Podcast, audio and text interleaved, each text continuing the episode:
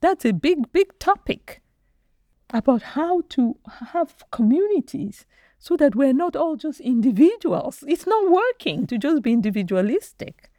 And I think that being open to looking at some non Western practices, we may be able to pick up cues about how to better organize ourselves. Maybe against global warming, maybe against violence, domestic, what have you. There are all sorts of challenges facing humans that is better dealt with collectively. And so when I look at these Yoruba categories that were put in place when we were sovereign, when we were thinking for ourselves, I can see that they meet the first impulse is to think collectively. We can disagree on how good or how bad the collective thinking was, but I think that most people would agree that thinking collectively, thinking beyond the individual, is a good place for humans to start. And the most typical and most important collective kind of thinking is the thinking of the mother. Because the mother must think of the child. The mother must think of the child. And that's why I always say that uh, the phrase or the notion of a single mother from an African perspective is an oxymoron. Single and mother? A mother is not single. The notion of single mother exists because in many Western cultures, they privilege the male. If the male husband is not around, then nothing else exists. But historically, in many traditions, archaeologically, the first couple is the mother and child.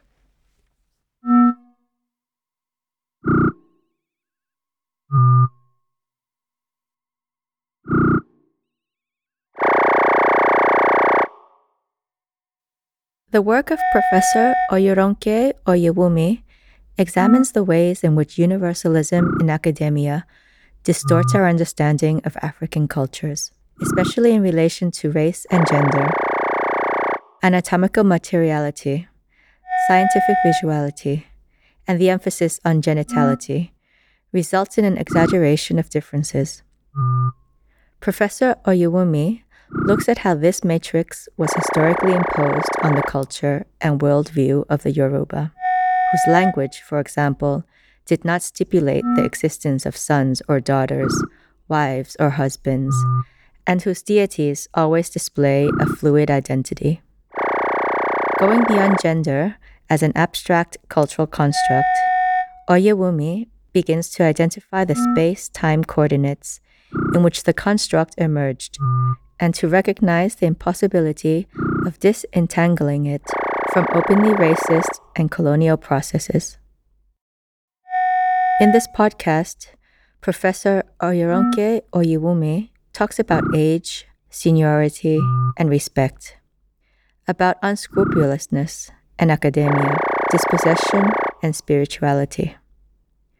She considers the oxymoron of the notion of single mothers from the point of view of Yoruba culture and describes the process by which children choose their mothers before they are born.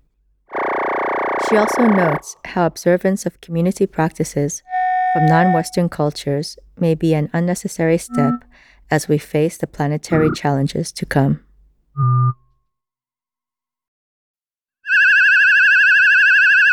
I agree. That's a wonderful place to start. And of course, like everything else, there's a story there. When I left Nigeria in the early 80s to go to California, I went to the University of California at Berkeley, arguably the biggest, greatest, most famous public school in the United States. So I went to Berkeley to study sociology, to do a PhD in sociology. One of the first things I found out after I got to Berkeley, registered as a sociology student, was that when I went around campus and people asked me curiously, with a lot of curiosity, what I was studying, and I would say, Oh, I'm in sociology, I'm doing a PhD in sociology. And they would all look at me in puzzlement. They said, You are African, you are from Africa. I said, Yes. Said, Why are you in sociology? I said, What do you mean? They said, Oh, you ought to be in anthropology. I said, Why? They said, Well, you know, sociologists study their own society and anthropologists study other societies. I only understood later that they were trying to tell me that Africa is primitive and that's what anthropologists study. At that time, I didn't get it that way. So I would say that, voila, I am a sociologist. I'm studying my own society. That was the beginning. And then when I came to the US to do that PhD, I wanted to study something to do with the family because I was interested in the impact of British colonization Nigerian families. But I was trained as a political scientist in my first degree. So the reason I went into sociology for, for my graduate school was because I wanted to do something with family. And I didn't think political science did any of that. So I was happy when I found out that there was a whole new field called gender, there was a new field called women's studies. I had never heard of it. So I was happy to register in my first sociology of gender course. And it was taught by one of the world experts. I mean, this was Berkeley. So it was very exciting for me. And so I would sit in my graduate sociology of gender class and I would hear all these claims being made about women. Women are this, women are that, women are subordinated universally, historically, women are fragile, women are weak. And, and I would put up my hand and said, But who are you talking about? Could where I come from, I don't think uh, the, these statements apply. And people would just, they would stop for barely one second, not look at me, and then pick up the conversation where they left off, as if I hadn't said anything. It turns out that that's not unusual because for many of us, especially people who are called minorities, black people, we experience that a lot. Maybe because they don't know how to engage you, then they pretend that you never said anything. Anyway, but one of the things that finally provoked me, and I can see how it influenced my book, was that one of the first things I learned about gender and gender discourses was this idea that in societies across the world, people exaggerate, make bigger the differences between men and women so as to show that men are superior and women are under them everything they focus on.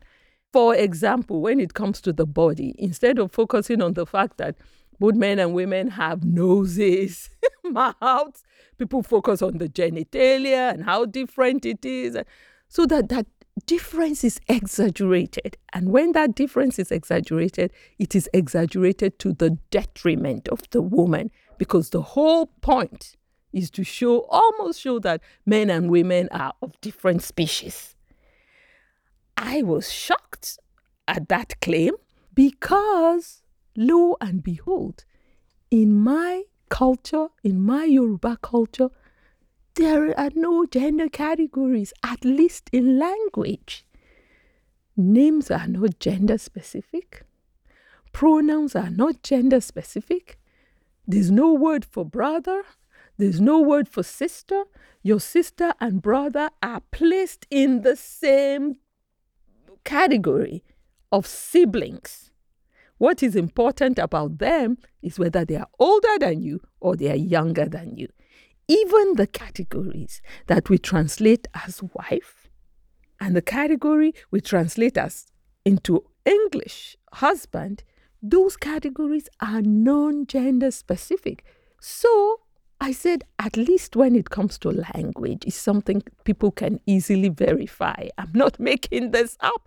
This is one good example of the society that does not exaggerate, that does not even want to say there's that difference. So that was one of the first things that cued me into what the trajectory of my dissertation would be and how language became a very, very crucial aspect of it. Studying as a sociologist at Berkeley, which was supposed to be one of the best schools, was highly problematic, as I have said, because American sociology does not see Africa at all.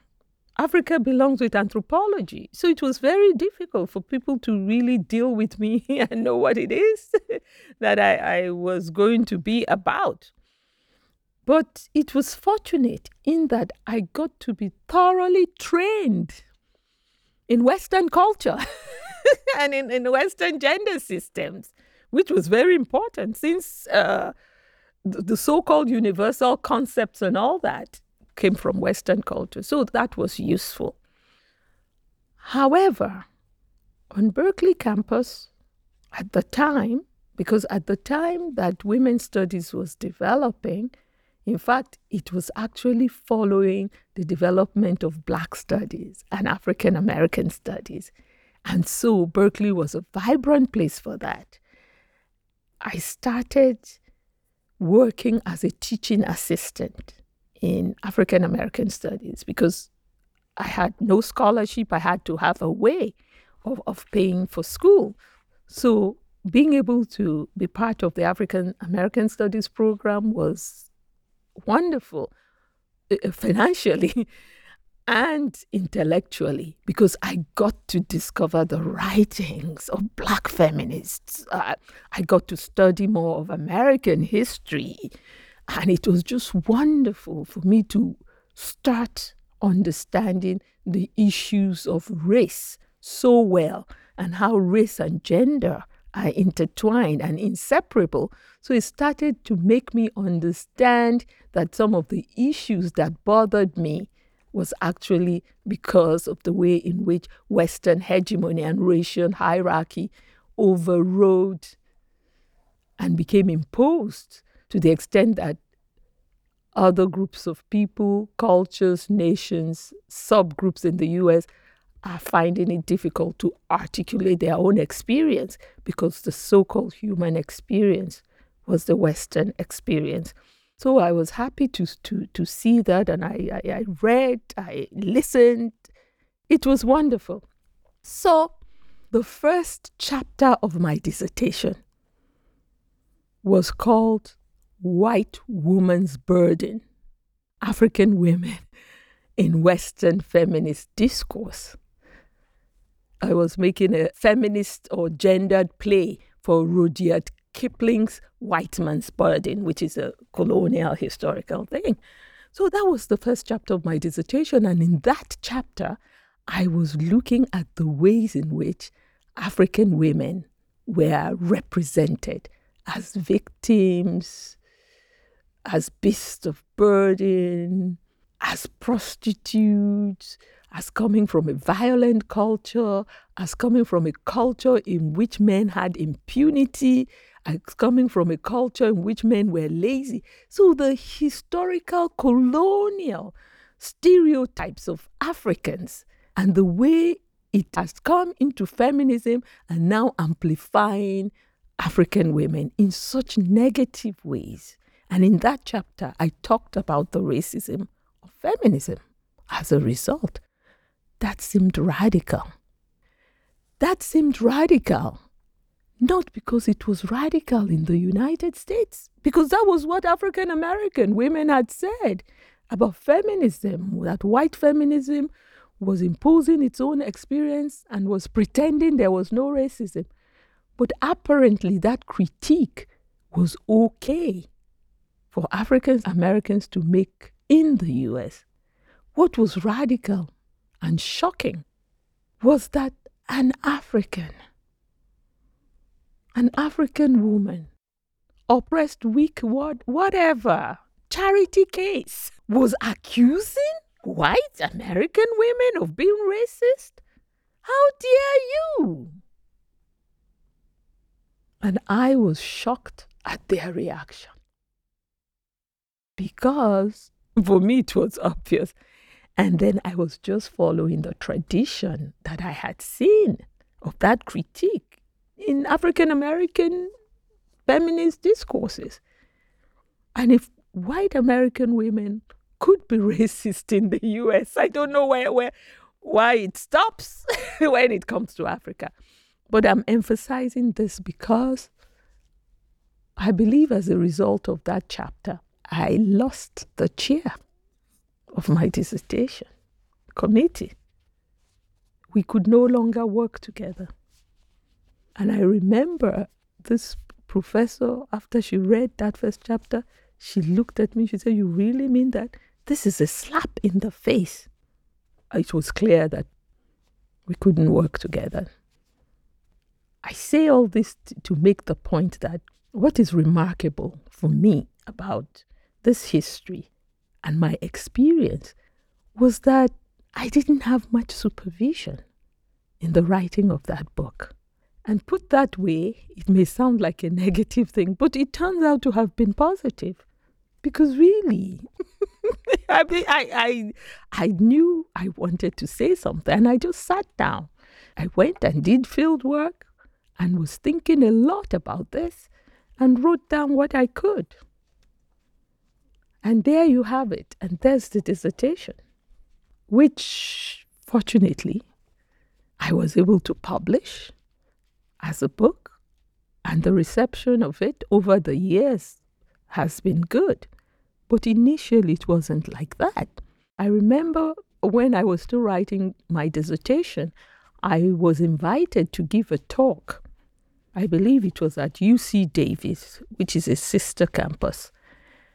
And I went there, and there was this famous sociologist of gender who looked at me and said that we have spent years and our careers telling people how important gender is. And you want to come into this room and tell us gender is not important? And it was as if they were going to walk me out of the room. But I said to them, I said, you know what? You're misreading my work. You're misreading my work. Because even if uh, what you're hearing is that gender is not important, part of what I'm doing is to historicize how gender became important in the colonies as a result of the fact that the colonizers brought their ideas about gender. And I said, that is the crux of the matter. And one of the biggest findings at this time, and over the years, it has become part of everyday language that you talk about, is the idea that gender is socially constructed. So I said to that professor, I said, if anything, my work is the ultimate evidence about the fact that gender is indeed socially constructed. It didn't come from heaven, it didn't come from nature. There are all these categories that are created historically and culturally. What my work actually does is to affirm the idea that gender is socially constructed. It was clear to me that if I did a study of gender, which I thought that was what I was going to do, okay, gender is socially constructed, and part of what I had to do and show was that, however, it was differently constructed in Yoruba society. And so when I left to go and do so called field work, I went to Ibadan in Nigeria. And my idea was to do a survey of women entrepreneurs since they are well known and they were so such a part of the culture. An anthropologist had done some work in the 60s amongst Yoruba women in which she actually talked about entrepreneurship and trade as being part of womanhood. And so people know them very well. So I said, okay, I'm going to go and give them a questionnaire and then subsequently do some participant observation, observation, observing them at work, observing them at home, that I would ask questions about how the family is organized. Um, I, I was trying to see whether their sons and their daughters are treated the same way or differently. You know, that was what I thought I was going to do. So, but when I got to Ibadan, I wrote out this questionnaire, I hired two research assistants, and one morning I looked at my questionnaire. It was written in English. I'm Yoruba. I'm going to be talking to Yoruba people. Yet I have this questionnaire written in English. I hadn't thought much about it, or maybe I should say organically my my my Western education was showing, you know. I said, this is ridiculous. I have to translate my dissertation, my, my questionnaire to Yoruba, or I have to write it in Yoruba. And then when I started thinking of the questions I was going to ask in Yoruba, I said, Oh my gosh, this is the quarrel I had had at Berkeley. Yet I didn't take my own advice. I had question, how many sons do you have? How many daughters? In Yoruba, you can't say that. There are no sons and daughters. It became clear that my questionnaire was imposing gender on the discourse through language. And so it became clear that this was not going to be a matter of empiricism. These were more epistemological and philosophical questions. It was not a question of just jumping into the field and say, This is what I observe. What do you observe? Did the Yorubas fail to observe that their sons and daughters are different? What's going on there? So I had to stop in my tracks and had to start thinking more philosophically. I had to think in terms of epistemology. And then that was the key to moving forward. Because much of the evidence that I needed for anything, I already knew. It was how those things constitute evidence and how these things were understood in the culture. That was the issue. And so that was what happened. Was I able to create new tools? I laugh because we must remember that I was only a graduate student.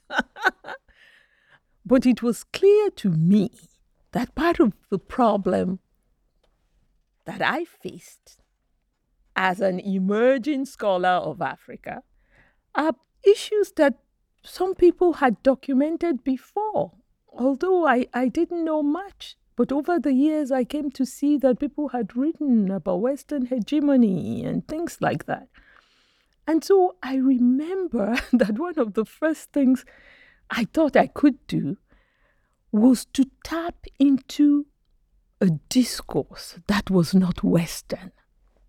So I started looking around. I said, but what about the Japanese? I'm laughing because it turned out that there wasn't such a thing that was outside of the West. And now looking back, that was my first inkling of the coloniality of knowledge it's only now that I can put that language to it. And then I remember that just before I went for field work, I was looking for funding so that I could go and do my research. And so I applied to the Social Science Research Council, which is one big funding agency in the US. And at the time, I had taken a class with a professor in geography who was an Africanist. I wrote the proposal and he looked at it and he considered it and said, Nobody's going to fund you for this. Why? Because you didn't cite any literature. You didn't cite any literature. You have to put your work within the context of the literature. That's how the academy works. So I told him I didn't want to cite any of the literature because the literature would taint my work as far as I was concerned. I said the literature in Africa was not acceptable to me. So I didn't want to cite and be a part of it. Then he said, You can't go anywhere with this. You have to put your work within the context of the literature. You have to show that you have read the literature and okay, this or argue against it, right? But you must engage with it. But it was also clear to me that when you engage with the literature, you can only go so far because it shapes your work. It shapes your work. You couldn't engage with the gender literature and then say there's no gender. At that time, I didn't know you could say that. And that's why when I went to Ibadan to do my field work, I was just going to say, oh, yeah, there's gender, but it's different. Right? Because there's only so much you can do. So it was only gradually that I became aware of that, of the fact that I had to use the language, the theories, the material of the academy, since there was nothing really outside of the so called universal language of theory or anything. The question that animated sociology by the fa- so called founding fathers like Max Weber, for example, was the question of why was the West exceptional? Why was the West so special that these wonderful things were going on in the West and not elsewhere? That turns out to be a very racist question.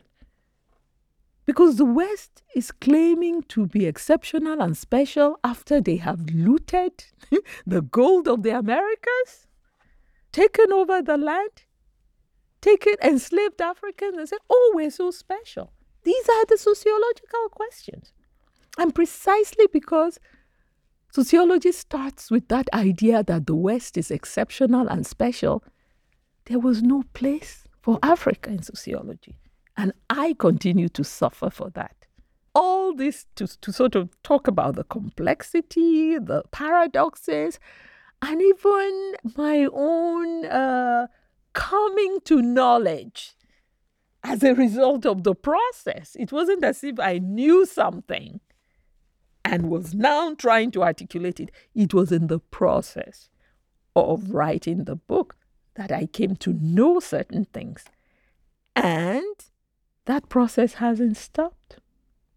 Because I would read things today in that book as, mm, I have a deeper knowledge of what I was trying to say then. So, that's another aspect of the story of the invention of women. Well, I don't know whether people are using that term genderism, but I, I wanted people to use that term genderism because I felt that there was a place for that. What people like to use is sexism, right? So sexism is kind of obvious to people in terms of the fact that sexism means discrimination on the basis of gender.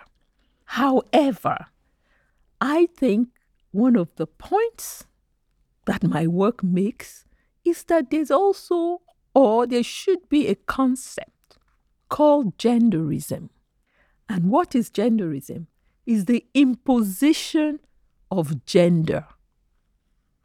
Historically, on periods during which gender didn't exist, and genderism is imposition of gender on phenomena, social organization, social phenomena that is not necessarily gendered, but that it is our bringing gender into it that makes it gendered.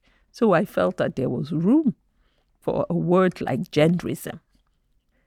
And so for me, I wrote it in the work, and part of uh, the way in which it is uh, articulated in Invention of Women. I don't believe I used the word in Invention of Women, but one of my big arguments was that we have to understand that uh, women's subordination, male dominance, gender is historical. It is culturally constructed and historical. It's a matter of time and space.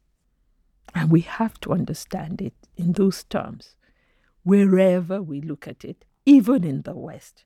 Because if we assume gender to be timeless category, that naturalizes it.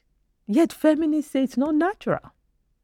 So I think that my work is the one that pushed and pushed in the right direction by saying that gender categories were not timeless. Yeah, so with the LGBTQ community, just the idea, just the very idea that people didn't immediately, there were societies where people didn't immediately, the, the most fundamental category with which they thought about each other was gender. That many people find that encouraging in terms of how to think about the world. And I think that's important too about epistemology, about uh, categories of knowledge because, after all, gender is about social classification, how people are classified. I mean, if, if one said that when Africans woke up, they didn't look at themselves, oh, I'm black, most people would accept that. how can you be black all by yourself? Right? Because what makes what made those categories possible today is the history of discrimination, the history of slavery. It's not that people woke up and, and started saying, oh, I'm black. In relation to what? You know? My work asks people to apply that same kind of thinking to, to gender. So if people make distinctions, if people make the point that, well, you know, human beings always make distinctions, so we don't believe you. What I want to say is that human beings may have always made distinctions, but let us ask what distinctions did they make? Yorubas were making distinctions based on seniority. Except that seniority as a category, as, as a distinction, is different from gender. I remember years ago, I gave a talk and somebody said, Well, you know, Professor Oyèwùmi, you are always saying that you're democratic, you're progressive, you're against hierarchy, but when it comes to seniority, you seem to love it. What's with you and that hierarchy and all that?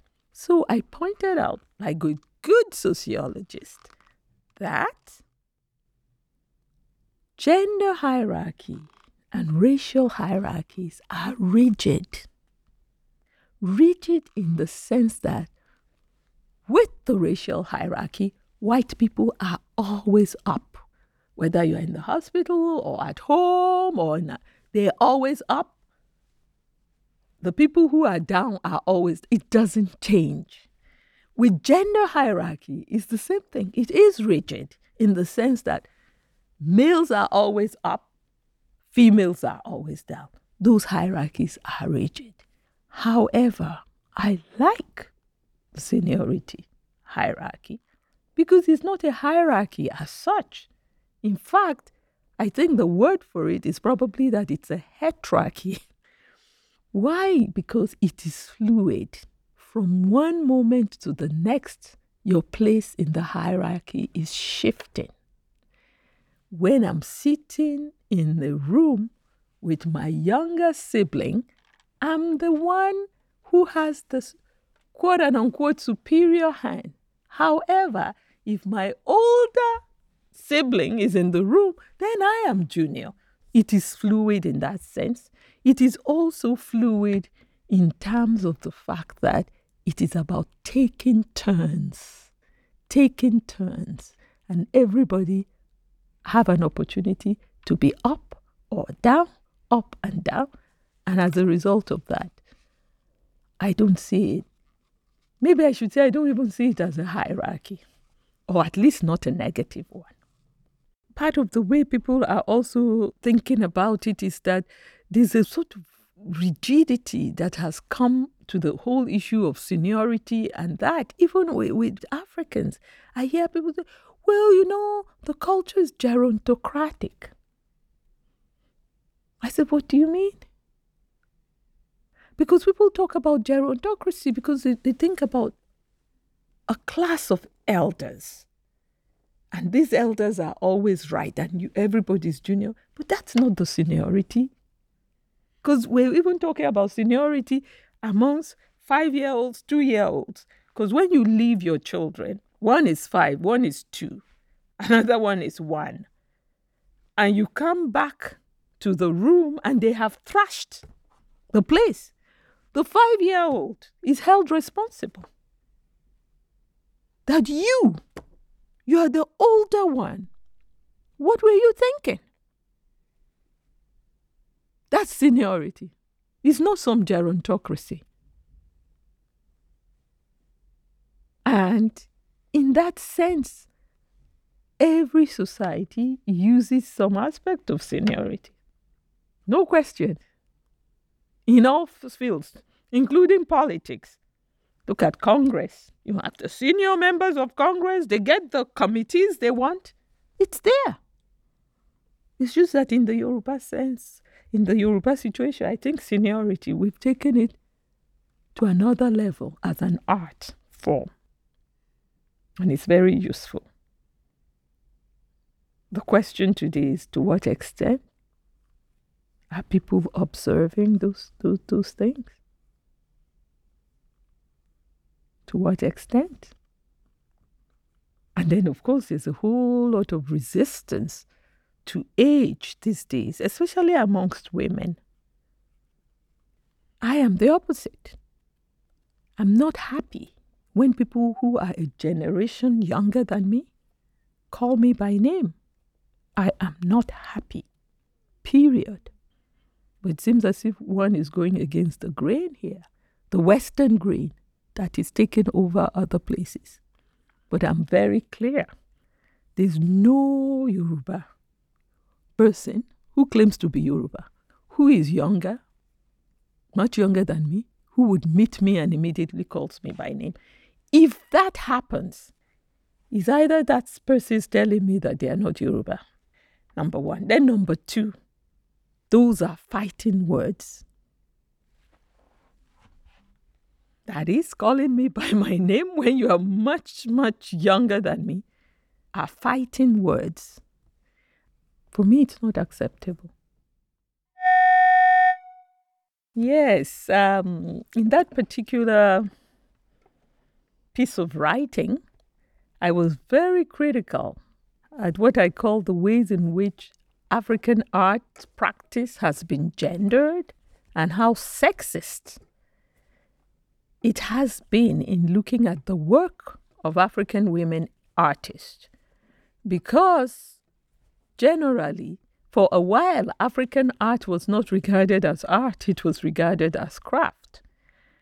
But over time, some male artists were recognized as artists, but female artists remained craftspeople, practicing craft. And one of the things that came out of this kind of thinking was the idea that in most African societies, women work with clay. And for materials, especially metals, iron especially, people scholars write a lot about how it is men who work with metals, about how there are all sorts of cultural taboos against women working with metals. And they just go on and on building these dichotomies to the detriment of women.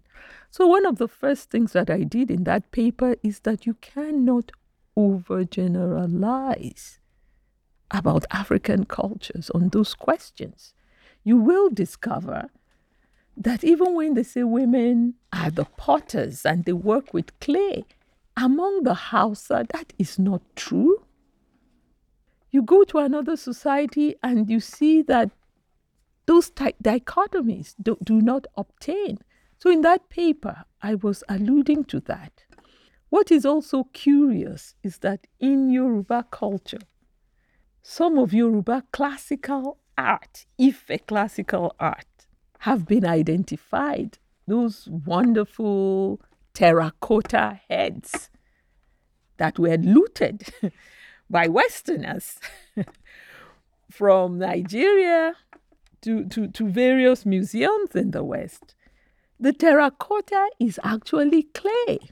And we had been told that Yoruba women worked with clay. But when it came to terracotta heads, nobody was going to attribute that fine piece of art to women. No, nobody was going to do that. For one thing, they were this thing called terracotta. I had to look that up. So, in that paper, I was showing the various ways in which scholarly assumptions blinded scholars from actually looking at the culture and seeing the way in which people practice their art. And I was pointing out that historically, traditionally, in many Yoruba communities, whether it was the art of goldsmithing, blacksmithing, or making pottery, that these art practices were based in families. The best way to look at them was which family practiced this art. And when you start looking at it as a group thing practiced by families over generations, then the question of gender and who did what becomes moot, really. And then I went on to talk about the fact that um, motherhood itself is an art, the way people talked about it as an art. And I can see the ways in which it's an art form, even right from when the baby is in the womb and when the baby passes through the birth canal, is that the mother is already shaping the baby. And after the baby is born in Yoruba land, continuously, mothers continue to shape the heads of the baby. They continue to mold the baby. It is part of uh, postnatal practices. And so I also talked about the art of molding the baby in those terms. And then, of course, the praise poetry, which directed as babies is more like a lullaby, which is the praise poetry about the, the importance of the family, the history of the family is continuously recited by mothers to babies, to children. And I also talked about motherhood as art, even in that guise. I talk about matripotency and I talk about the fact that motherhood is not gendered. But when I say motherhood is not gendered, I am not talking in terms of the anatomy. I'm talking about what is actually in the first instance a spiritual category. Spiritual, not embodied. And that if we start from the premise that motherhood is a spiritual category, we will begin to understand why motherhood is not a gendered category in the Western sense of the gendered. When we say something is gendered, gender in the first instance is a binary. There are two things in play. And I argued in my work that Yoruba conception of Iya, the procreator, is not gendered because there is no counterpart to the Iya. In Yoruba cosmology, the idea is that before each and every soul, every one of us, comes to earth, in the pre earthly phase, we exist, that we kneel before our Creator and choose our fate, our destiny. That each and every one of us kneels before the Creator and says, When I go to earth, this is what will happen to me. We choose our destiny. And I pointed out that in choosing our destiny, at that point, we choose a mother. It's the child that chooses the mother. So, what you see in Yoruba understanding of motherhood is that the relationship between mother and child is pre earthly, is gestational, it is after the baby is born, and continues till after the mother dies. So you can see that it's a relationship with a very forever length. Whereas the relationship between child and father only happens after the baby is born. Number one. Then, number two, in Yoruba culture, and indeed in many African cultures, it's not the DNA that makes you a father, it's the relationship to the mother. So, all this to say, father and mother are not counterparts in the culture. And all this to say, motherhood is singular. It is not a gendered category. In Yoruba society, I could come into the room with my uncle, maternal uncle, and introduce him to you and say, That's my mother. Because there's this idea that he represents the mother's side of the family. So there's also that at, at another level, the way in which we talk about mother and father which all tells me that for Yorubas, it's not about anatomy, right? A whole lot of these things is not about anatomy. And that many of our categories are based on group identity. On group identity, not the body. So, from even saying that, you can begin to see where the conflict and contradiction is today because of notions of individuality and the fact that so many people are away from community and family. How would those categories work? That's the challenge.